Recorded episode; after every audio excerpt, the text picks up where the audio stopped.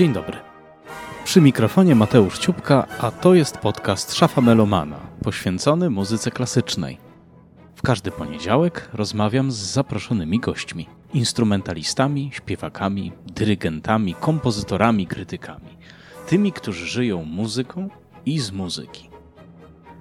Przypominam, że wszystkie odcinki znajdziecie na stronie szafamelomana.pl w serwisie Spotify i na popularnych platformach podcastowych. Jestem także na Facebooku i Instagramie. Wszędzie tam czekam na Wasze opinie, propozycje i komentarze. Nie wahajcie się napisać do mnie. Szafa Melomana stoi przed Wami otworem.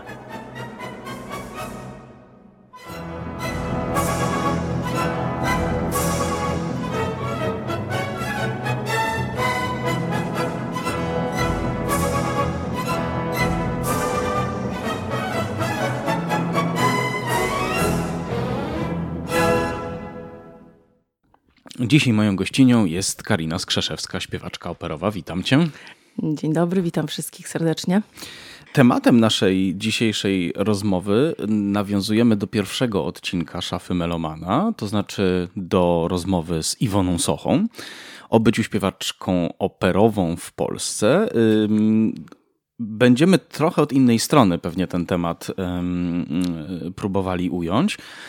Y, to będzie taka szafowa tradycja, że będziemy do pewnych tematów, które w podcaście są poruszane, wracali. I ja też oczywiście mam poczucie, że choć ten odcinek z Iwoną był, jak sądzę, interesujący, zresztą wiem to po e, ilości odsłuchań, e, to na pewno go nie wyczerpaliśmy, więc mam nadzieję, że w jakiś sposób uzupełnimy, nawiążemy do tego, co Iwona mówiła.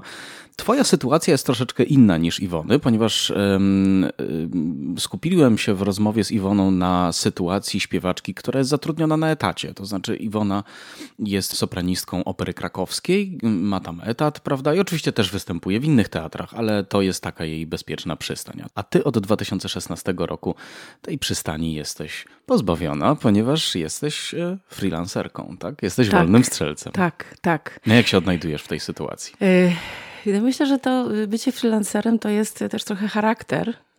E, aczkolwiek e, no, potrzebowałam kiedyś w swoim życiu takiego wsparcia, żeby mieć e, etat no, życiowo potrzebowałam i wtedy no też nie bez takich usilnych prób otrzymałam tą przystań w Operze Śląskiej, ale nigdy nie w moim Wrocławiu. Y, rodzimym, gdzie się urodziłam, gdzie mieszkam do dzisiaj. Gdzie studiowałaś? Gdzie studiowałam, gdzie jest jak gdyby moim takim naturalnym miejscem. No, zdarzyło mi się zadebiutować na tej scenie w 2018 roku, y, czyli też dosyć późno, bo to już było no, ponad 10 lat po tym, jak zaczęłam w ogóle śpiewać. No ale tutaj nie będziemy o tym gadać, bo to nie jest takie interesujące. Natomiast gdyby moja sytuacja od samego początku była troszeczkę determinowana repertuarem, ponieważ ja zaczęłam e, jako śpiewaczka belkantowa, czyli moim takim pierwszym tytułem, dzięki któremu w ogóle zaistniałam, to była Łucja z Lammermoor. I tak naprawdę, ponieważ to belcanto jest bardzo rzadko grane, e, było, jest i chyba będzie w Polsce, no to ja sobie po prostu szukałam zawsze takich możliwości, żeby gdzieś to belcanto śpiewać. I w związku z tym nie było mi całkiem po drodze takie myślenie, że idę do teatru repertuarowego na etat. Zresztą jak dostałam zaraz po tym debiucie propozycję, to byłam przerażona. No mówię, ja taka świeżyzna, no tą Łucję umiem tam jeszcze z jeden tytuł i koniec. I to nie jest tak, y, ja, ja to bardzo odpowiedzialnie traktowałam, że ja nie mogę iść w ogóle do teatru, ludzie będą płacić za biletę, ja taka, no tak mi się wydawało, no to było takie naiwne myślenie, ale ja niestety trochę naiwna jestem. Ale Uważam, że to jest atut. Dwa wątki interesujące. Najpierw e, wątek belkanta. To jest coś, co by się z punktu widzenia przeciętnego melomana wydawało oczywiste, że w operze śpiewa się belcanto, a to nie jest takie oczywiste, prawda? Tak, bo belcanto to nie jest e, tylko e, gatunek opery, który tak naprawdę no, rozsławiony przez Rossiniego, Donizettiego i Belliniego. Ja się w Rossinim nie E, specjalizowałam, ponieważ on wymaga pewnej rossiniowskiej biegłości w głosie, a ja miałam właśnie tą inną biegłość. Poza tym mój głos nigdy nie był stricte koloraturowy, bardziej oscylował w takim liryko koloratura, potem to szło bardziej w dramatyczną koloraturę. Natomiast ja myślę, że to jest pewien styl w ogóle ym, y, śpiewania i styl w ogóle myślenia i również możliwości głosowych, ponieważ mi na to pozwalała rozpiętość głosu i też tak naprawdę bel canto zawiera wszystkie elementy, które są e, w śpiewie potrzebne. I mój profesor, dzięki któremu y, śpiewam na scenie, pan Dariusz Grabowski, mój nauczyciel, to była osoba, która y, y, ten mój głos wprowadziła na te odpowiednie tory i moją szeroką skalę, bo ja jak zaczynałam śpiewać, to miałam skalę do B3 kreślnego. Ona do dzisiaj sięga G3 kreślnego, naprawdę. Mimo to, że śpiewam Abigail Nabucco i inne y, już dosyć wymagające, dramatyczne powiedzmy partie, czy centralne partie, to jednak skala została nadal. I wydaje mi się, że właśnie ta elastyczność głosu, jego możliwości w połączeniu z pewną e, osobowością, którą się posiada, tworzy taką mieszankę, która powoduje, że bel canto nie jest nudny na scenie. Bo bel canto, wiadomo, no, dla orkiestry czy dla dyrygenta jest nudne, no bo tam jest cały czas albo pa, pa, pa, pa, pa, pa albo umpa, umpa, umpa, umpa. No nic się nie dzieje. Ja rozumiem dyrygentów, że oni wolą Straussa, że oni wolą Malera czy Weinberga. Ja to rozumiem, ale dla nas, dla śpiewaków, e, to jest nasze pięć minut na scenie i, i e, nasze, na nas jak gdyby spoczywa odpowiedzialność za, za, za to, żeby ponieść to dzieło, na nas, na artystach, którzy wykonują to na scenie. No i przede wszystkim jest to piękna muzyka, piękne melodie i mimo wszystko mało wyeksploatowana u nas w Polsce. Ja pamiętam, byłem w ogromnym szoku, pracując jeszcze w Operze Krakowskiej, kiedy z powodu pandemii odwołana została norma u nas i szukano zastępstwa. E, I byłaś jedyną e, śpiewaczką w Polsce oprócz e, Katarzyny Oleś-Blacha, która była w stanie wykonać tę partię. Tam zdaje się, chyba to byłaś wtedy za granicą, więc nie mogłaś wejść na to zastępstwo, ale ja byłem zszokowany po prostu tym, że te, w zasadzie taki klasyk belkanta, jakim jest Norma Belliniego, nie ma takiej ogromnej mm, obsady w Polsce jak Trawiata na przykład, czy Toska, nie? Oczywiście, no są, to, są to tytuły wymagające. Norma jest y, bardzo y, typowym dziełem tak zwanego dużego belkanta. E, to znaczy łączy w sobie zarówno e, ekspresję już taką dramatyczną z pewnymi takimi typowo belkantowymi, wirtuozowskimi umiejętnościami no wiadomo, no i, i, i skala, i biegniki, i, e, i, te miejsca, gdzie, gdzie trzeba dramatyczne, długie recytatywy wyśpiewać, piękny duet e, z, z Adalgizą. E, to, są, to, jest, to jest wymagające dzieło i faktycznie chyba dlatego, że ono nie było grane. Ja byłam ogromnie wdzięczna dyrekcji Opery Krakowskiej za to zaproszenie i za to, że w ogóle mogłam zaśpiewać również Annę Bolenę. Annę Bolenę śpiewałam już wcześniej w, w Łodzi ale każde, każdorazowe spotkanie z tego typu repertuarem to było dla mnie zawsze wielkie szczęście, wielkie wyzwanie. Ja się w tym po prostu dobrze czuję.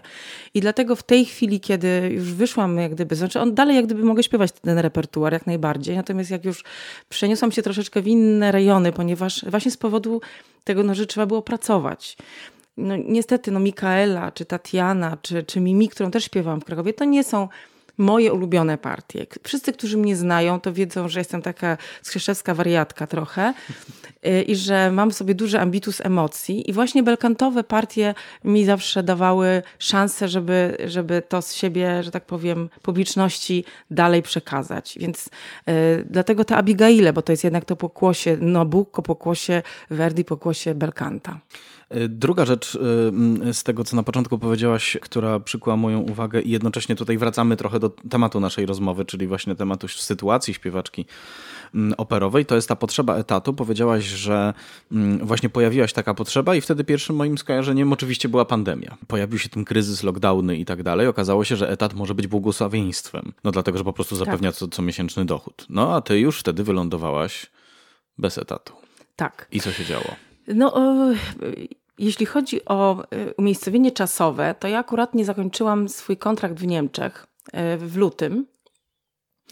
I y, po pięciomiesięcznej tak naprawdę nieobecności w domu i po naśpiewaniu się Marii Stewardy i Nabucco, byłam całkiem szczęśliwa, że wróciłam do domu i jak się pojawiły te informacje, że zamykają szkoły, że nie wolno wychodzić, to ja nawet byłam szczęśliwa, że posiedzę sobie troszkę w domu. Troszkę mi się słabiej zrobiło w momencie, kiedy zaczęły odpadać kolejne e, angaże. I tak naprawdę myślę, że jesień to był ten czas, który mnie naprawdę dobił mocno. On mnie dobił, bo jeszcze światełkiem w tunelu było Nabucco we Wrocławiu, a właśnie tam na próbach się zaraziłam e, koroną. E, I zresztą nie tylko ja. I zostały spektakle odwołane. I tak naprawdę powiem szczerze, że ja w 2020 roku, no oprócz tego, co przywiozłam z, z Niemiec, tego kontraktu, nie zrobiłam w Polsce nic. I człowiek, który nie ma comiesięcznych dochodów, a ma córkę, która jest y, licealistką, ma dom, y, ma różnego rodzaju opłaty, no po prostu stoi przed takim dylematem, co zrobić. I to jest y, sytuacja, która była dla mnie, no powiem, że depresyjna. Ci, którzy mnie nie lubią, to mogą mi satysfakcję, bo naprawdę byłam no, na dnie, takim psychicznym dnie. Oczywiście miałam też refleksje na ten temat, różne.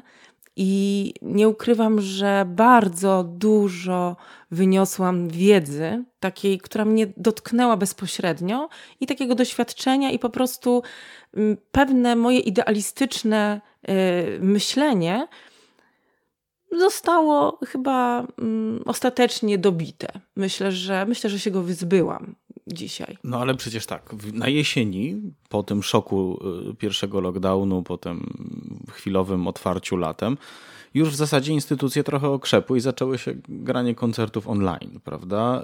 Y, na to były pieniądze z ministerstwa i tak dalej. To znaczy, oczywiście te, y, myślę, że instytucje w ogóle grały. Mhm. I instytucje w Polsce, to może ja powiem z innej strony. Śpiewak operowy to nie jest wolny rodnik, y, komercyjny artysta, który sobie po prostu sam y, będzie wychodził i śpiewał. To jest artysta, który jest, y, że tak powiem, uwikłany w struktury.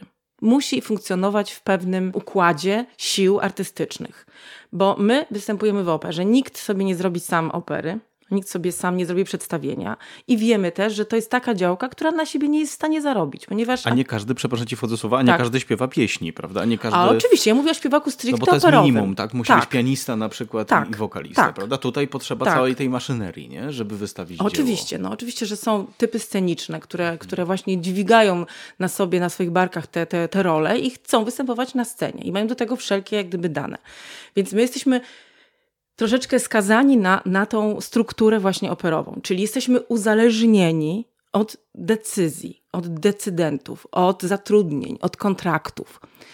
I teraz y, to jest jedna strona, a druga strona jest taka, że ja do tego tak podchodzę, że bycie dyrektorem jakiejś instytucji to jest branie na swoje barki też odpowiedzialności za tych artystów. Nie tylko za tych artystów, których mam na etacie, w ogóle za artystów, którzy ze mną współpracują, którzy są na rynku, bo przecież to są właśnie te miejsca, te skupiska, które są tym e, medium pomiędzy artystą a publicznością.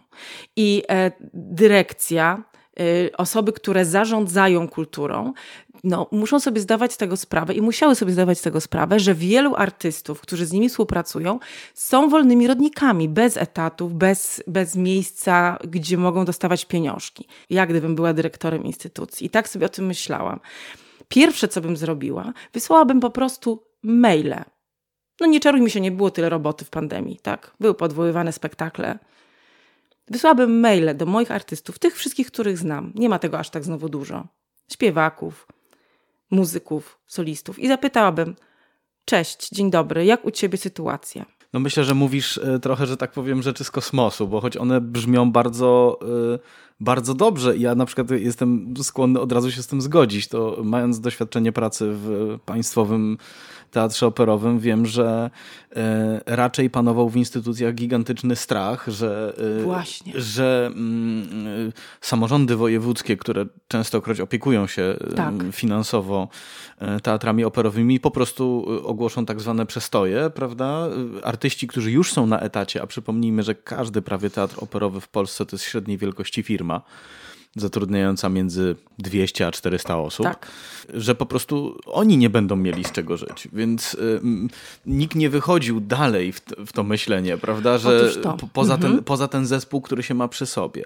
No a z drugiej strony słuszne jest to, co mówisz, ponieważ sztuka operowa i muzyka y, tak zwana klasyczna w Polsce jest głównie państwowa. Tak, tak, tak. No i właśnie dlatego, jak gdyby mam też takie troszeczkę, może nie oczekiwania, ale tak bym sobie to wyobrażała, ponieważ e, gdybym ja sama miała pieniądze i e, mogła nimi rozporządzać, no to to jest jak gdyby mój biznes, tak? Kogo ja wesprę, czy nie wesprę, komu dam. Ale jeśli to są e, mimo wszystko placówki, które z naszych wspólnych pieniędzy są budżetowane również z naszych podatków i są to dotacje, to znaczy, że rozdajemy pieniądze, które otrzymujemy. I to rozdzielanie tych pieniędzy, myślenie em, takie biznesowe, myślę, że ono pozostawia dużo do życzenia. I uważam, że e, tutaj zawodzi ten pierwiastek ludzki. Ja o tym mówię, o pierwiastku ludzkim. To, to jest to, co powiedziałeś, jest bardzo istotne. Takie osoby działają z, z, z poziomu strachu, tylko że oni się boją tylko o siebie.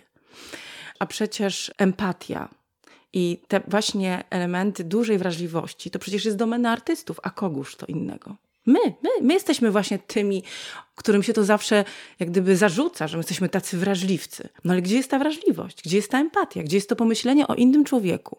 No tego mi zabrakło i to mi się tutaj kompletnie nie zgadza. Oczywiście to jest e, ten szczyt góry lodowej.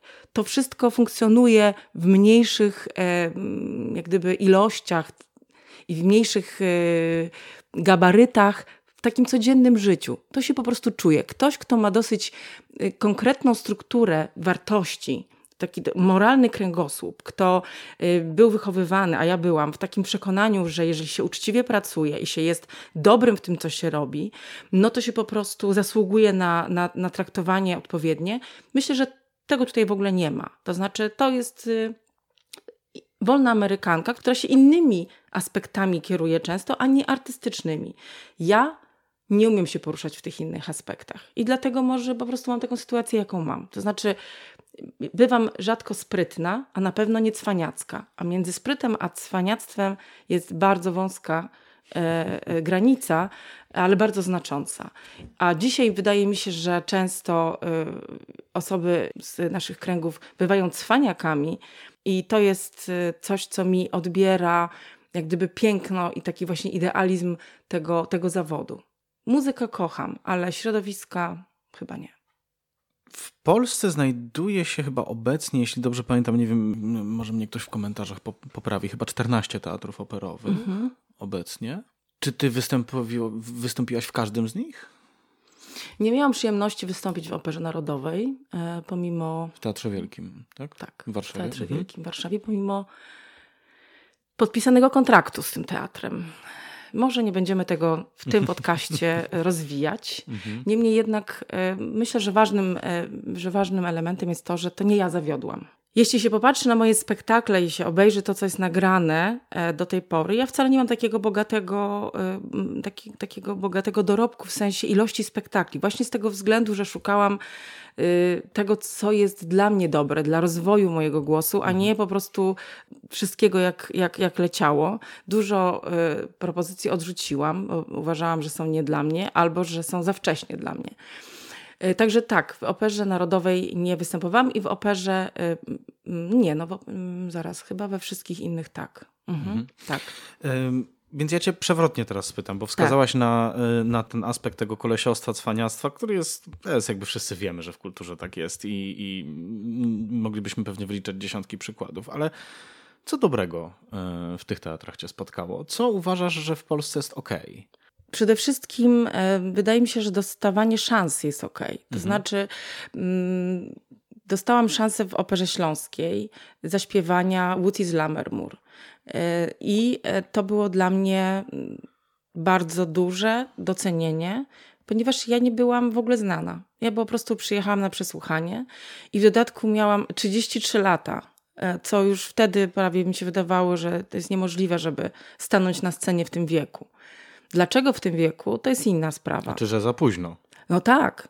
No mhm. ktoś się mnie zapytał, a czemu pani tak późno? Ja mówię, pan lepiej późno zacząć niż wcześniej skończyć. Chociaż Łucja z Lammermoor jest partią, za którą się, nie wiem, biorą się za to takie młodziutkie śpiewaczki. Tak, dzisiaj myślę, już pewnie tak. Znaczy ale... dzisiaj się za wszystkie partie mhm. biorą młodziutkie śpiewaczki i młodzi śpiewacy. Okay. I, I jak gdyby to jest inny temat. Ale wracając do twojego pytania. Mhm. No więc y, często mnie spotykały właśnie takie pozytywne zaskoczenia. Przede wszystkim dla mnie zawsze najistotniejszy był człowiek, praca.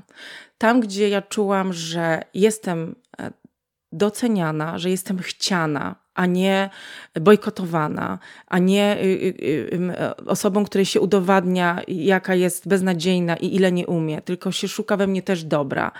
Bo ja tego też szukam zawsze u każdego, u każdego artysty, u każdego dyrygenta, u każdego muzyka. Staram się szukać tego, co jest w nim dobre, tego, co jest pozytywne. Tego szukam też w ludziach. Natomiast no, niektórzy nie chcą, y, żeby w nich to znajdować. Natomiast y, miałam chyba szczęście do kilku e, wielkich osobowości, które na mnie duże piętno y, takie pozytywne odcisnęły, artystyczne.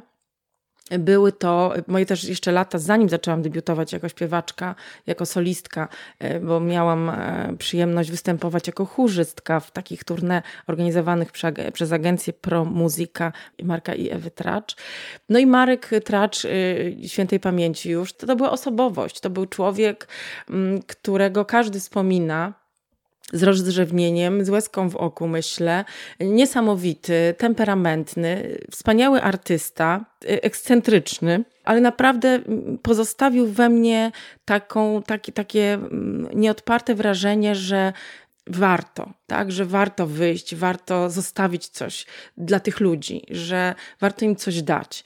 I, no i też artyści, śpiewacy, których obserwowałam. Właśnie za tydzień będę śpiewać e, tutaj na takim koncercie wspominkowym Moniki Swarowskiej, Walawskiej, która nigdy nie była moim pedagogiem, ale właśnie jako ta studentka siedziałam w kulisach i wszystkie jej spektakle e, oglądałam. Myślę, że ten pierwiastek ludzki to jest to, co było zawsze dobre i to mi zawsze sprawiało przyjemność. I w momencie, kiedy jechałam na produkcję i wiedziałam, że jest e, świetny dyrygent, że są fantastyczni koledzy e, i że nie będzie, że tak powiem, nikogo, kto, kto ma jakieś takie mm, niskie pobudki i z tych niskich pobudek będzie robił jakieś przykre sytuacje, to było wspaniale. Oczywiście przykre sytuacje się zdarzają, szczególnie od koleżanek z, z roli, no niestety. Mm.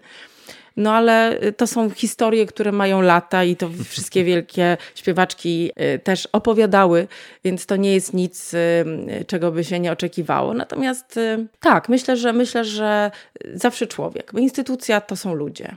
Wspomniałaś o tym, że robiłaś kontrakt w Niemczech. Tak. Pochodzisz także z rodziny mm, polsko-greckiej. Jak wygląda ten twój kontakt ze synami zagranicznymi? Bo przecież zawsze można powiedzieć, no dobra, no ale w Polsce jest jak jest, tak? Mhm, tylko, że tak. przecież artysta to jest obywatel świata, tak. mówi językiem zrozumianym, a szczególnie w operze, prawda? Tak. Od, od Toronto do Los Angeles, mhm. nie? I, I, do Moskwy i Sankt Petersburga, więc co za, co za różnica, mhm. prawda? To co cię tu trzyma? Jesteś freelancerką, możesz robić co chcesz. Tak. Y prawdę mówiąc, y, dzisiaj to bym chyba wyjechała gdzieś i śpiewała, bo dzisiaj mam inną sytuację życiową, rodzinną. Mhm. Ale w, po debiucie moim w Łucji z nie ukrywam, że następowały po sobie różne propozycje i różne okazje. No ale ja wtedy dokonywać musiałam wyborów. Mhm. Miałam, e, byłam w czasie rozwodu, miałam małe dziecko, dziewczynkę byłam bez pracy i wyjechanie na dłuższy czas z Polski y, no, mogłoby zaowocować po pierwsze tym, że dziecko by miało straszną traumę, chociaż i tak wyjeżdżałam, no bo musiałam z czegoś żyć i, i nie miałam tej pracy w Polsce, więc wyjeżdżałam na tę turnę. Pracowałam jeszcze z y, takim panem supierzem i jeździłam do Holandii po, przez kilka lat z Łucją, z Don Giovannim, z Carminą Buraną, z, z, z Rigoletto.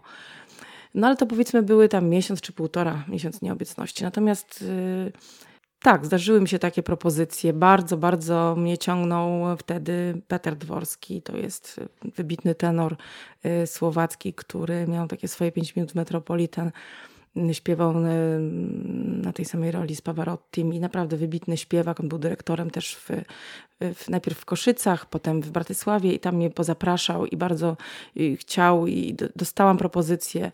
Śpiewałam też przesłuchanie do La Fenice, miałam być y, coverem Gruberowej, ale to wszystko, ja się tego bałam, dlatego że ja wiedziałam, że jak ja pojadę i to zaskoczy, to ja będę musiała strasznego wyboru dokonywać. No tak się, tak się zdarzyło, ale ja tego nie żałuję, bo ja dzisiaj mam owoc w domu tych moich wyborów, aczkolwiek nie zrobiłam kariery. No ale przecież y, czy tylko kariera świadczy? No tak, bo ta kariera świadczy o tym, jakim jestem artystą. Znaczy w ogóle posiadanie, e, dzisiaj posiadanie dóbr świadczy o tym, jakim jesteś człowiekiem, tak? czy jesteś mhm. wartościowy, czy nie. Jak jesteś biedakiem, no to znaczy, że jesteś nieudacznikiem i że nic nie potrafisz. A jak masz furę i, i super y, konto nabite i dostajesz po 25 tysięcy za spektakl, no to znaczy, że jesteś świetny. Mhm. I to jest też coś, co, co mi się nie podoba dzisiaj. Myślę sobie o, o tej karierze, o tym, jak się ją kształtuje e, w kontekście niedawno przecież zmarłych e, Teresy Żylizgary i e, Bernarda Ładysza. Bo to są dwie różne ścieżki, prawda? Ładysz został tutaj, Teresa Żlizgara wyjechała. Wyjechała zresztą bardzo prędko, tak. zrobiła wielką karierę za tak. granicą. W zasadzie zrobiła ją całkowicie za granicą. A słyszałem takie głosy, kiedy się ich wspomina bardzo często, że przecież Ładysz to był jedyny polski śpiewak, który zaśpiewał z Marią Callas. Przecież to był tak wspaniały głos. Gdyby on tylko wyjechał, przecież cały świat by o nim wiedział. Tak. Ale ja sobie tak zawsze myślałem, a czy to jest właśnie probierz jakości artystycznej. No co za różnica, gdzie on śpiewał. On był świetny i jak śpiewał tu, i jak śpiewał tam. No dobrze, zaraz ktoś inny powie, no ale tam by nabrał doświadczenia. No jak to jest? Nie, nie, nie. To, to ja, ja tak absolutnie nie uważam. To znaczy bardzo, bardzo y, gratuluję wszystkim zawsze, którzy, którym się udało wybić, którzy mhm. dzięki swojemu talentowi pracy i innym talentom pozamuzycznym, bo absolutnie jestem przekonana, że trzeba mieć też te inne kompetencje. No jasne, jasne. Y, y, zaistnieli w, w świecie ta, wielkim, y, dorobili się jakichś tam majątków, dorobili się sławy. Natomiast stawanie się celebrytą, czy robienie kariery w dzisiejszych czasach ma troszkę inne, moim zdaniem, mm, uwarunkowania niż kiedyś to było. E, I dlatego się mówiło o tym złotym wieku śpiewaków tam w latach 50. i w 60., bo po prostu każdy, kto śpiewał, to od razu ten rynek go porywał. Oni gdzieś tam śpiewali, krążyli. To wszystko było takie bardziej naturalne mi się wydawało. Naturalne, po prostu, że śpiewak śpiewał, no jak śpiewał, no to, no to, no to się go brało. Może mi się tylko tak wydaje. Może też wtedy było dużo śpiewaków, którzy byli wybitni i nie zostali gdzieś tam docenieni albo nie, nie, nie zrobili karier takich wielkich. Wiadomo, że za każdą dużą karierą, prawie każdą, taką naprawdę dużą, stoją też wyrzeczenia, stoją też y, różnego rodzaju y, wybory, których trzeba dokonywać. Jest y, szczęście też. No i oczywiście mówię, że ten ten talent czy ta umiejętność zaistnienia w tym świecie to jest wypadkowa wielu rzeczy. I nie każdy w moim wieku i osoby troszkę ode mnie starsze i bardzo niewiele młodsze posiadają z tego takiego rocznika tych przeobrażeń w Polsce, posiadają właśnie takie kompetencje takiego troszeczkę tupetu życiowego, tak? takiego troszkę rozpychania się. My jesteśmy tacy bardziej skromni. Ja jestem w ogóle osobą, która się bardzo zmieniła, bo ja jestem w ogóle z domu no, emigrantki z Grecji. Moja mama przyjechała do Polski i nagle została wrzucona do polskiej szkoły. Nie mówiła nic po polsku, dostawała dwóje z polskiego. Do dzisiaj tutaj została, bo wyszła za Polaka, ale jakiż musiał być kompleks w tej dziewczynie. No i mama mi też mówi, ach wiesz, gdybym ja była śpiewaczką, to ty byś, to, ty byś miała łatwiej. No pewnie. Mhm. Tak, bo już by były ścieżki Bo już by były ścieżki. Już... Jakbym ja mhm. była, jakbym pracowała, wiesz, jakbym miała rodzinę muzyczną, to by było łatwiej. Albo jakbyśmy byli bogaci, to też byś miała łatwiej. Ja wiem, no pewnie tak. Ale Y, myślę, że najważniejszym w tym wszystkim, y, y, tym aspektem, który jest taki dla mnie najistotniejszy, to jest właśnie to, jaką sztukę tworzę. Ja zawsze mówię, przyjdź, zobaczyć mnie na scenie, bo to jest takie moje najbardziej naturalne środowisko. Ja nie jestem ani konkursowym typem, ani przesłuchaniowym, ani specjalnie koncertowym. Ja jestem aktorką, po prostu ja kocham grać. I wchodzę w rolę, i wtedy przestaję grać, że gram, tylko po prostu jestem tą osobą. Wchodzę w nią całkowicie i bardziej myślę o tym, co, y, jak gdyby, co czuję, w jaki sposób to, to ma powstać i, i, co chcę dać tym ludziom. I naprawdę przez wiele lat y, różnych spektakli y, dla mnie największą, największą zapłatą były te panie, które płakały po Marii Stewardzie, wzruszone. Byli ci ludzie, którzy nie znając mnie w ogóle pisali do mnie, że byli na moim spektaklu i że oni przepraszają, że oni piszą, ale że oni byli wzruszeni, albo że uronili łezkę, albo że takim się bardzo podobało. E, no dla mnie to jest y, największy, naj, naj, największe, największe honorarium, jakie mogę mhm. dostać. No, niestety muszę też z tego żyć. I tutaj bywa różnie, ale yy, różne losy. Nawet ostatnio rozmawiałam no, z kimś, kto zrobił dużą bardzo karierę. No, nie, nie rozmawiam o nazwiskach, więc nie podaję. Mhm. I właśnie też mówiłam, że, że nie zawsze tak jest, że ktoś y, wybitny czy ktoś bardzo dobry musiał zrobić karierę. Ja też na swojej drodze spotkałam takich śpiewaków, którzy gdzieś tam w małych teatrach śpiewają i y, słyszysz ten głos i mówisz, ja pierniczę, przecież mhm. to jest światowy głos. No Co tak. ty tu robisz, kobieto? Naprawdę. Zdarzyło mi się i mamy takie osoby w Polsce, tylko właśnie to są ludzie skromni, to są ludzie, którzy nie pukają, nie, nie, nie dają o sobie znać i gdzieś tam e, sobie w tym swoim malutkim świadku żyją, funkcjonują. No właśnie, bo przyszła mi do głowy taka rzecz. Mówi się o tym, że system edukacji muzycznej w Polsce jest nastawiony na kształcenie solistów. Mówię teraz o instrumentalistach przede wszystkim. Mam wrażenie, że w przypadku śpiewaków operowych to jest jeszcze coś bardziej, tak? bo ten system jest nastawiony na to, żeby tworzyć gwiazdę. Ale to chyba może właśnie wynika z faktu, że w Polsce jest zaledwie 14 tych teatrów operowych, a nie jak w Niemczech 160 ileś. Gdybyśmy mieli w każdym mieście liczącym około 50 tysięcy mieszkańców e, teatr operowy, to można byłoby mieć ambicje śpiewania w tym teatrze dla tej publiczności, prawda? I wcale nie trzeba by było mówić, że moim celem zawodowym jest podbicie Metropolitan. Nie musi być, prawda? Bo mogę na przykład śpiewać w operze w Cieszynie, prawda? Bo na tak, w, operze... w Lublinie jest, no jest, tak. jest teatr muzyczny, ale tak, oczywiście mhm. jest bardzo dużo miast i miasteczek. No, no, Mamy taki kłopot moim zdaniem tak. trochę, jeśli chodzi o tą y, o, o powszechność i egalitarność sztuki muzycznej w Polsce. Mamy problem z nadprodukcją śpiewaków. No tak, ja do no... tego tak podchodzę. Aha, za dużo się ich kształci. No, za dużo, to znaczy jeżeli, jeżeli y, jest 14 teatrów, operowych. No to są w stanie wchłonąć. A I, większość jest etatowa, nie? Tak. Bo scena I, narodowa nie jest tak, chyba, ale większość tak. jest etatowa. Większość jest etatowa, no i poza tym są chóry też, bo przecież hmm. śpiewacy to też są chórzyści często. Jest nadprodukcja artystów, więc y, mamy stworzony taką y, nadmierną e, podaż, która powoduje, że szukamy no, takich e, mm, atrybutów, które nam pozwolą zafunkcjonować na topie. Mhm. Jedni e, młodzi ludzie dzisiaj są zupełnie inni niż, niż moje pokolenie. Tak? Ja już się czuję taka strasznie stara, już prawie jakbym do grobu miała iść. E, no, jeżeli śpiewaczka w tej chwili topowa musi sobie odejmować lata w swoim CV, bo jak ma 49 y, lat albo 48 lat, to już jest taka stara, że ona nie może zaśpiewać gdzieś na świecie, bo ona musi mieć 32, no bo wtedy to jest dopiero.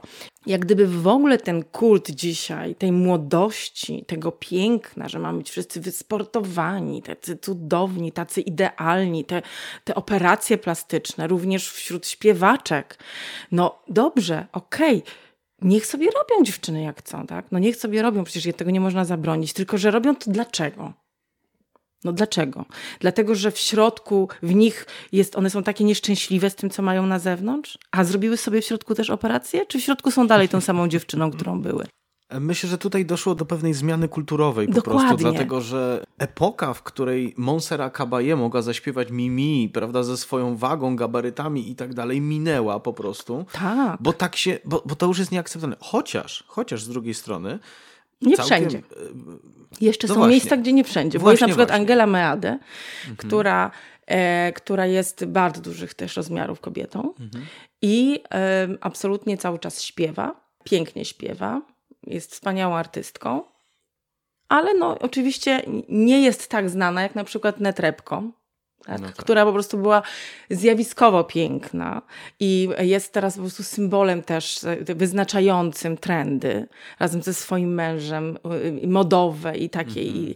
No i teraz po prostu generalnie... Powiedzmy, że są to do, trochę specyficzne trendy też. Ja, to tak, nie każdemu ja, się ja, ja, powiedziałam to troszeczkę z przekąsem jednak, no ale mimo wszystko, ale mimo wszystko jest, e, mają tak wielkie, no jest to innego rodzaju jak gdyby w ogóle moda, innego rodzaju mm -hmm. życie już, e, to są celebryci. No jasne, I teraz jasne. właśnie też, też mi ktoś powiedział, że teraz coraz mniej ludzi idzie uczyć się śpiewać, żeby być dobrym artystą, a teraz więcej, żeby być celebrytą, żeby mhm. dotrzeć tam, żeby mieć właśnie tą sławę, te pieniądze w efekcie. To o to nam chodzi. Być na, być na topie i potem już tak naprawdę y, cokolwiek by się nie wzięło w swoje ręce, no to są ochy i achy, bo już nie wypada krytykować. To jest mhm. też coś takiego. Ja uważam, że to, to nie jest prawda. Znaczy, dla mnie to jest jakiś sztuczny stwór i ja po prostu mogę na przykład y, zupełnie szczerze powiedzieć, y, że ten artysta topowy absolutnie dzisiaj to mnie się na przykład nie podoba i mogę również powiedzieć, dlaczego mnie się nie podoba. Bo ja mam swoje własne jakieś tam e, metrum, tak? E, artyzmu, które do mnie przemawia. I po prostu albo mam ciary, albo nie mam. Koniec, kropka, do widzenia. Mówiliśmy o tej zmianie kulturowej. I co? I faktycznie jest tak, że jak śpiewaczce stuknie, nie wiem, te 45 lat mniej więcej, to, to już jest coraz trudniej? Czy to zaczyna być już powoli wtedy śpiewaczka charakterystyczna, tylko do określonych ról? To znaczy, ja powiem tak, jeżeli artysta posiada umiejętność zachowania głosu, mhm. nadal świeżego, nadal e, zdrowego, nadal kompatybilnego ze swoją osobowością. Czyli ten głos jest w stanie wykonać materiał muzyczny, bo powiedzmy sobie szczerze, że to jest dla mnie podstawa obsadzania w partii również, tak? Nie tylko charakter y, głosu, który byśmy chcieli usłyszeć, ale również na przykład w przypadku takiej partii jak na przykład Abigail, która jest trudna, no trzeba mieć pewne umiejętności. Tam są tryle, tam są góry, tam jest legato, tam jest mocniej, tam jest ciszej trzeba umieć to wykonać. I głos musi po prostu wypełniać to zadanie. Więc wydaje mi się, że jest dużo głosów, które są wyeksploatowane przedwcześnie. Również właśnie przez to, przez te etatowe, etatowe śpiewanie. No bo jak mamy śpiewaczkę na etacie, no to jak leci, ją obsadzam, tak? Nie patrzę, czy to jej pasuje, czy to jej nie pasuje, tylko to jest jakieś tam widzimisię. To są już takie wewnętrzne rzeczy i myślę, że również to było dla mnie zawsze taką negatywną stroną bycia na etacie, bo się śpiewa wszystko i różnie to się kończy. Znamy kilka wspaniałych głosów, które zaczynały y, w różnych teatrach, a dzisiaj różnie bywa z kondycją. Właśnie z tego względu, że jest eksploatacja i że się śpiewało za dużo i bardzo różnorodny y, y, materiał. Pamiętajmy, że w Polsce są teatry repertuarowe, gdzie my śpiewamy jednego dnia Nabucco, drugiego dnia Musorskiego, trzeciego dnia Lulu, czwartego dnia coś tam. To nie są teatry tak. stagione, gdzie ja mam kontrakt. I też uważam, tutaj jak gdyby jeszcze szybciutko nawiążę mhm. do tego, bo to akurat nie mi przyszło, nie ma takiej, wydaje mi się, debaty pomiędzy y, zarządzającymi kulturą, a nami artystami, żeby wypracować na przykład inne sposoby zatrudniania. Ja przepraszam bardzo, ja nie mam pretensji, że ktoś jest sprytny i ma trzy etaty w Polsce. Tak? W jednym teatrze, w drugim teatrze i jeszcze na uczelni. Ja nie mam żadnego, a ktoś ma trzy ale można by było robić kontrakty. Nie umowy zlecenia, ale właśnie kontrakty. Nie chcę iść na etat, ale chciałabym na przykład, tak jak byłam w Niemczech, przyjechać, dostać ubezpieczenie, taki czasowy kontrakt. To jest bardzo fajna, fajna metoda, fajny sposób. Śpiewam określone partie, wiem ile ich śpiewam, wiem ile zarobię. Zgadzam się albo nie. I to by było bardzo dobre.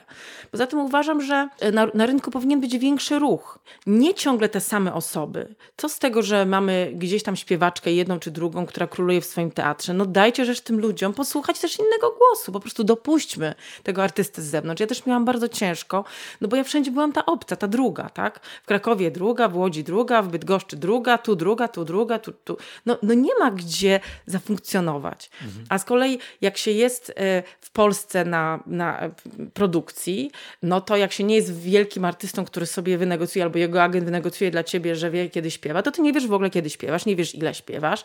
No i co się wtedy dzieje? No wtedy są niezdrowe sytuacje, bo każdy chce, każdy walczy o siebie i tak dalej, a mnie się nie chce walczyć. Ja walczę na scenie. Ja zawsze powtarzam, ja umiem tylko śpiewać i proszę mi dać możliwość tam się wykazanie. Ja nie chcę w żadnych innych mhm. walkach brać udziału, ani w żadnych innych przepychankach. To nie jest mój świat. Kompletnie. E, zdaje się, że państwo spróbowało podjąć taki rodzaj negocjacji z artystami w tym roku, e, proponując ustawę prawo o artystach zawodowych. Już się skrzywiłaś. E, artysta zawodowy, czyli artysta, który otrzymał wykształcenie, dyplomowany, czyli tak, wykwalifikowany. wykwalifikowany. Otóż powiem Ci, że znam bardzo wielu w tym sensie wykwalifikowanych, beznadziejnych artystów, którzy mają dyplomy i którzy nigdy nie powinni się znaleźć na scenie. A y, y, no i co wtedy sta? I, co, i na co na ten kazus, jak to wtedy, no kto jest odpowiedzialny? No jest odpowiedzialna pewnie uczelnia, tak, która dała, która, która wydała. No jest jakiś no, państwo problem. wskazywało, że o, o decydowaniu, kto tym artystą jest, a kto nim nie jest, ma decydować związek twórczy. Mhm. Y, ja tak sobie wtedy pomyślałem, że to trochę jak miejsce, w którym się znajdujemy, bo nagrywamy w Domu Literatów, w którym istniał Związek Literatów Polski zarządzający tym budynkiem i on przydzielał mieszkania. Mhm. Ale tak sobie pomyślałem, a jaki związek twórczy jest w operze? Dotknąłeś kolejnego problemu, tego oceniania, przyzwalania, mhm. dokonywania wyborów, y, dawania kompetencji nie będę tutaj y, y, nawet bez nazwisk robić przykładów, ale ostatnio Polska rozgorzała, nasza, y, że tak powiem, wokalna część na temat występów pewnej śpiewaczki, która według większości artystów, którzy występują na scenie, nie ma kompetencji do tego, żeby być nazywana gwiazdą światowego formatu i tak dalej, a jednak jest w Polsce bardzo promowana i właśnie w takich słowach jest prezentowana. Nikt... A przepraszam, ja zaprotestuję w tym miejscu, dlatego że ja bardzo chętnie powiem, jakie to nazwisko. Ja się domyślam, o kim ty mówisz. Mówisz o pani Zamarze. E, ja dlatego e, wolę to, to nazwisko powiedzieć, dlatego że pewne zjawiska trzeba po prostu nazywać po imieniu e, i po nazwisku. Oczywiście nie, nie chcemy obrażać pani Zamary, ale istotnie doszło tutaj do czegoś całkowicie absurdalnego. Myśmy o tym rozmawiali z Mateuszem Borkowskim w odcinku odcinku, bodaj czwartym, to był odcinek o krytyce muzycznej, albo trzecim, nie pamiętam. Tak. Sprawdźcie sobie. Rozmawialiśmy o tym w kontekście nieobecności krytyki muzycznej. To znaczy, że o, ktoś tak. nie powiedział, że ludzie, tu jest jakaś katastrofa. Ja powiem tak, y, każdemu wolno y, robić co chce. No jasne. No. I ja też tak uważam. Tylko ale, dlaczego ale... za pieniądze publiczne? Otóż to, znaczy, otóż to, że nie możemy po prostu są pewne standardy, mimo mhm. wszystko, i muzyka, y, i, i, sztuka w ogóle, które są niezmierzalne, jednak można zmierzyć. To znaczy, na przykład można zmierzyć ambitus, można zmierzyć czystość dźwięku. To jest zmierzalne, to jest mhm. słyszalne. Nie można tego po prostu nie słyszeć, a nie odsłyszeć. Po prostu to się zdarza i to wiadomo. Ja nie mówię tutaj o tym, o potknięciach. Ja mówię o pewnym stylu artyzmu, tak? Czy pseudoartyzmu. Jeżeli, e, jeżeli my jesteśmy wszyscy wrzuceni do tego jednego kotła, no to to jest właśnie, y, to jest właśnie bardzo trudne, żeby kreować smak, kreować gust. To jest zadanie tych ludzi, którzy, którzy kreują nasz, nasz świat, tych, którzy decydują, kto występuje, kogo dopuszczamy, kogo wystawiamy, co puszczamy w telewizji. Mhm. Są tak. jakieś układy sił, które nie wiem jakie są, i polityczne, i finansowe, które niestety niweczą to wszystko jest tutaj e, kilka takich przypadków, bo przecież e, Dominika Zamaran jest jednym, jedynym. E, teraz ja już sobie odpuszczę nazwiska, ale przecież była słynna sprawa głośna, tutaj nagłaśniana przez Dziennik Polski pewnej śpiewaczki, która wpisała sobie tak. do CV, tak. że jest solistką opery wiedeńskiej i Teatru Wielkiego. Ani jeden, ani drugi teatr tak, się do niej nie to przyznawał. Prawda, to prawda. No ale i, idąc na takich różnych, powiedzmy, półprawdach i, i, i, i tak dalej zapisanych w swoim biogramie artystycznym, śpiewała koncerty często w małych miastach.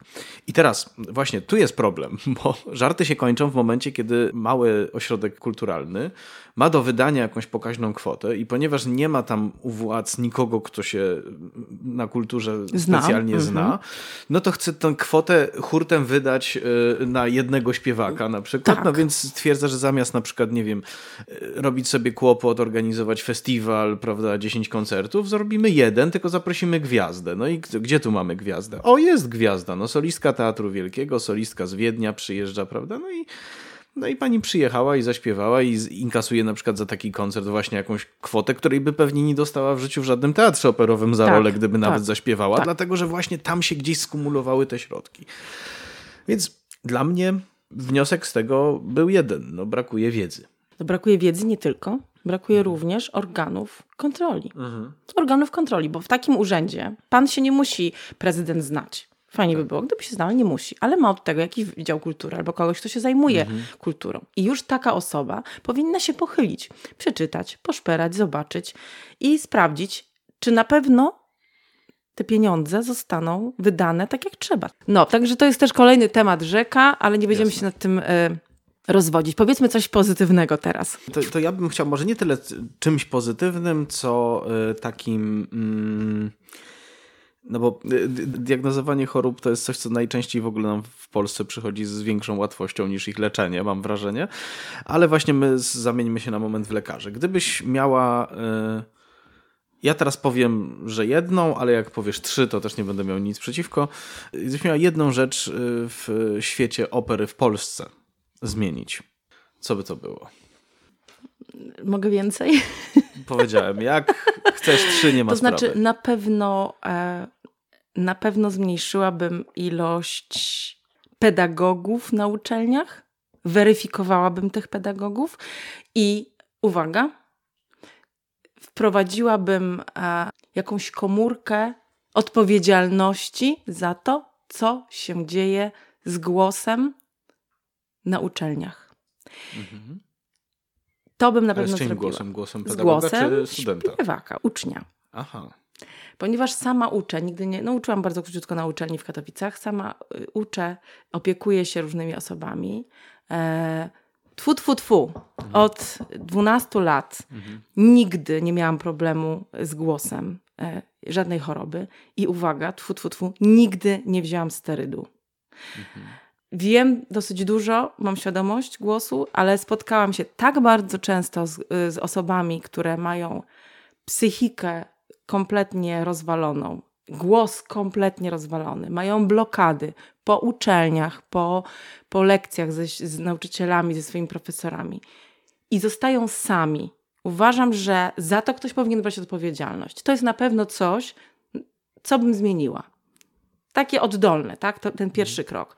A drugi krok to myślę, że y, zrobiłabym pewnego rodzaju taką większą e, logistykę wśród teatrów, żeby troszkę więcej ludzi pośpiewało, żeby się ci artyści zmieniali, żeby teatry ze sobą współpracowały, żeby jedno miasto, jedna publiczność nie była skazana y, prawie ciągle i ciągle na tych samych swoich artystów, tylko żeby mieli odświeżenie, mhm. żeby były e, żeby była taka wolna troszeczkę, taki wolny rynek w sensie porównania, tak? Mhm. Co mam tu, co mam tu, pojadę tam. No przecież nie będzie się publiczność cały czas przy, przy, przemieszczała, ale właśnie teatry mogłyby uruchomić troszkę tą motorykę w Polsce, żeby to nie było takie zasiedziałe.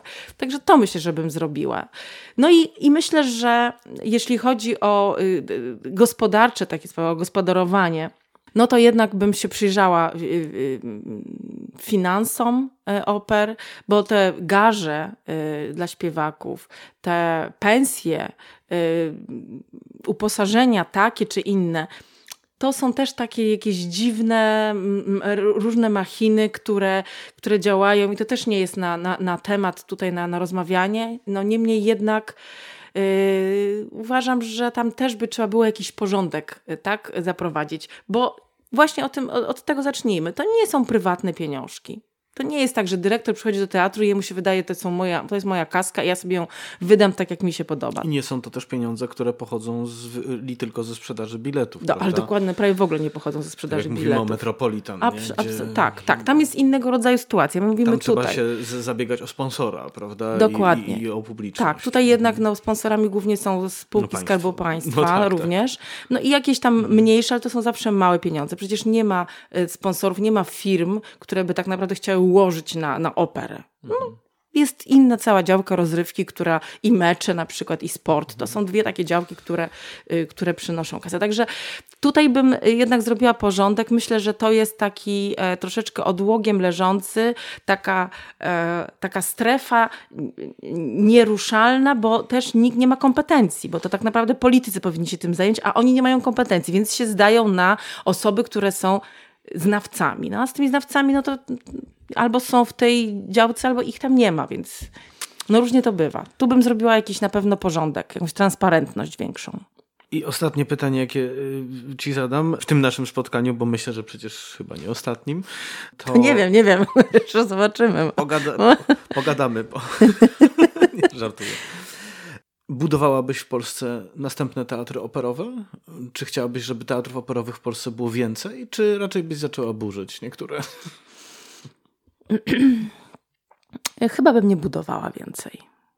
E, myślę, że polskie społeczeństwo nie jest e, takim tworem bardzo e, operowym. Myślę, że do opery chodzi bardzo niewielu ludzi, naprawdę melomanów, i chodzą tacy, którzy po prostu mm, mają abonamenty, chodzą tacy, którzy po prostu sobie chcą zrobić rozrywkę jakąś, więc mają w planie no, raz teatr, raz operę, raz operetkę, raz filharmonię, raz kino. Natomiast y, chyba nie ma potrzeby więcej, bo też często te teatry nie są w stanie wypełnić po prostu swoich miejsc. Y, są spektakle, które pojawiają się na jeden, dwa razy i znikają i chciałyby być oglądane, a są spektakle, które się pojawiają i są długo grane, bo właśnie no, ludzie chcieliby. Na przykład we Wrocławiu nie ma operetki. Ja ubolewam, bo ja y, widziałam raz, byłam na koncercie takim operetkowym i po prostu tłumy babci i dziadków, tłumy tych starszych ludzi. O nich się w ogóle nie myśli nie myśli się o tych starszych ludziach, że oni naprawdę y, kochają tą lżejszą muzykę. Oni nie pójdą na jakieś trudne mhm. tematy, oni nie pójdą na jakieś y, klątwy i takie tego typu spektakle, bo oni nie chcą tego. Oni już się swoje piętno w życiu przeżyli. Oni chcą pójść się zrelaksować, chcą się zabawić, chcą poklaskać, chcą pośpiewać. Oni mają do tego prawo. I tym ludziom trzeba to dać, ale można to dać w najlepszej jakości. Mhm. I, I no, u nas zniknęła operetka, bo nasz tam jakiś prezydent powiedział, że on nie lubi operetki. No okej, okay, nie musi lubić, ale ci ludzie są i, i tych ludzi trochę jest i można by było coś dla nich zrobić. Więc o, ja uważam, że... To jest, to jest też wielki temat, który... To jest wielki temat. Myślę, że kiedyś, że kiedyś go poruszymy w szafie, bo tu jest właśnie taki troszeczkę, tu jest takie zderzenie dwóch rzeczy, nie? Bo z jednej strony właśnie... Tak, bo to jest y, tak, y, zderzenie lżejszej muzy i, i zderzenie, y, wiesz, takiej sposobu... Tak, w takiej... Odbiorze, tak, tak, tak, tak, tak. To jest no... pokłosie patrzenia dawnego, natomiast to wcale takie nie musi być. No to wcale takie nie musi być. No tym bardziej, że operetka niestety jest gatunkiem martwym. Praktycznie się dzisiaj operetek tak, nie pisze, tak. prawda? No i to... I jeszcze ja bym chciała coś od siebie dodać, bo tak już zaczęłam o tych starszych ludziach, bardzo że bardzo, y, że bardzo, bardzo mi brakuje tego w operze. Że nie mam kontaktu e, ze starszymi kolegami ze sceny, że nie mam kontaktu ze starymi dyrygentami, że oni przychodzą w zapomnienie. Tak jak kiedyś gwiazdą była Demarczyk i nagle w samotności tutaj odeszła i po prostu nie, nikt nie wiedział, gdzie jest, gdzieś się zaszyła. To ja tak samo teraz ostatnio odszukiwałam e, wybitnego dy, dyrygenta, o którym nikt nigdzie od lat nie mówi. On cały czas żyje. Jest. I brakuje mi o tego. Mówisz? O Andrzeju Straszyńskim. Mhm. E, bardzo mi tego brakuje, że opery i teatry operowe i filharmonie mm, za mało e, łączą pokolenia, żeby tych młodych ludzi, którzy przychodzą do teatru, mimo wszystko pokazać im, jaka jest ta kolejność dziobania. Zobacz, będziesz tam, będziesz też, wszyscy skończymy jak skończymy, ale ten szacunek, to budowanie e, pewnej wiedzy, pewnego doświadczenia, e, to jest dobra rzecz. Można nie być konserwatystą. Ja nie jestem konserwatywna. Ja jestem raczej postępowa. Raczej bym chciała iść do przodu, ale nigdy nie zapominam o tym, skąd jestem. Nigdy nie zapominam o tych ludziach, którym zawdzięczam to, kim jestem. I wydaje mi się, że szacunek, właśnie też ta empatia, ten, ten czynnik ludzki, to jest niezwykle ważne. Nie ścierajmy tego, że to było. Nie wywalajmy zdjęć byłych artystów, którzy zasłużyli się w tym teatrze, bo oni są już, już ich nie ma, bo dzisiaj mamy, yy, wstawimy instalację. Nie, zostawmy to. To są ludzie, którzy tworzyli te miejsca. To są wielkie nazwiska, nawet te mało znane. Ja się bardzo zawsze cieszę, kiedy mogę porozmawiać z wielkimi artystami i zawsze miałam szacunek do moich poprzedników, bo wiem, jaka to jest ciężka praca i wiem, e, jak, jak dużo wyrzeczeń to kosztuje. Zawsze mam dużo szacunku, ale wydaje mi się, że dzisiejsze pokolenie już tego nie ma. No, warto pamiętać, że na korytarzach e, Metropolitan Opera w Nowym Jorku wciąż, na którymś z korytarzy wciąż wisi portret Marceliny Sembrich-Kochańskiej na przykład, a przecież to tak. gwiazda, której nikt chyba, kto dziś żyje, e, nie mógł już obserwować na tak. scenie, bo było to mm, dawno, tak dawno bardzo, i, tak. I, i, i, tak dalej. Tak. Moją gościnią była Karina Skrzeszewska. Bardzo Ci dziękuję za odwiedzenie to ja szafy. bardzo dziękuję. To ja bardzo dziękuję. Yy, bardzo się cieszę, że mogliśmy porozmawiać.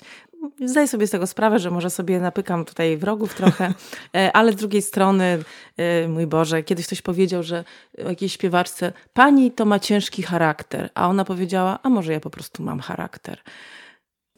Lepszej puenty nie będzie. Dzięki. Dziękuję.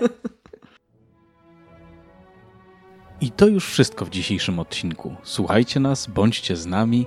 Wszystkie pozostałe odcinki znajdziecie na popularnych platformach podcastowych, a także na stronie internetowej szafamelomana.pl. Kolejny odcinek już za tydzień.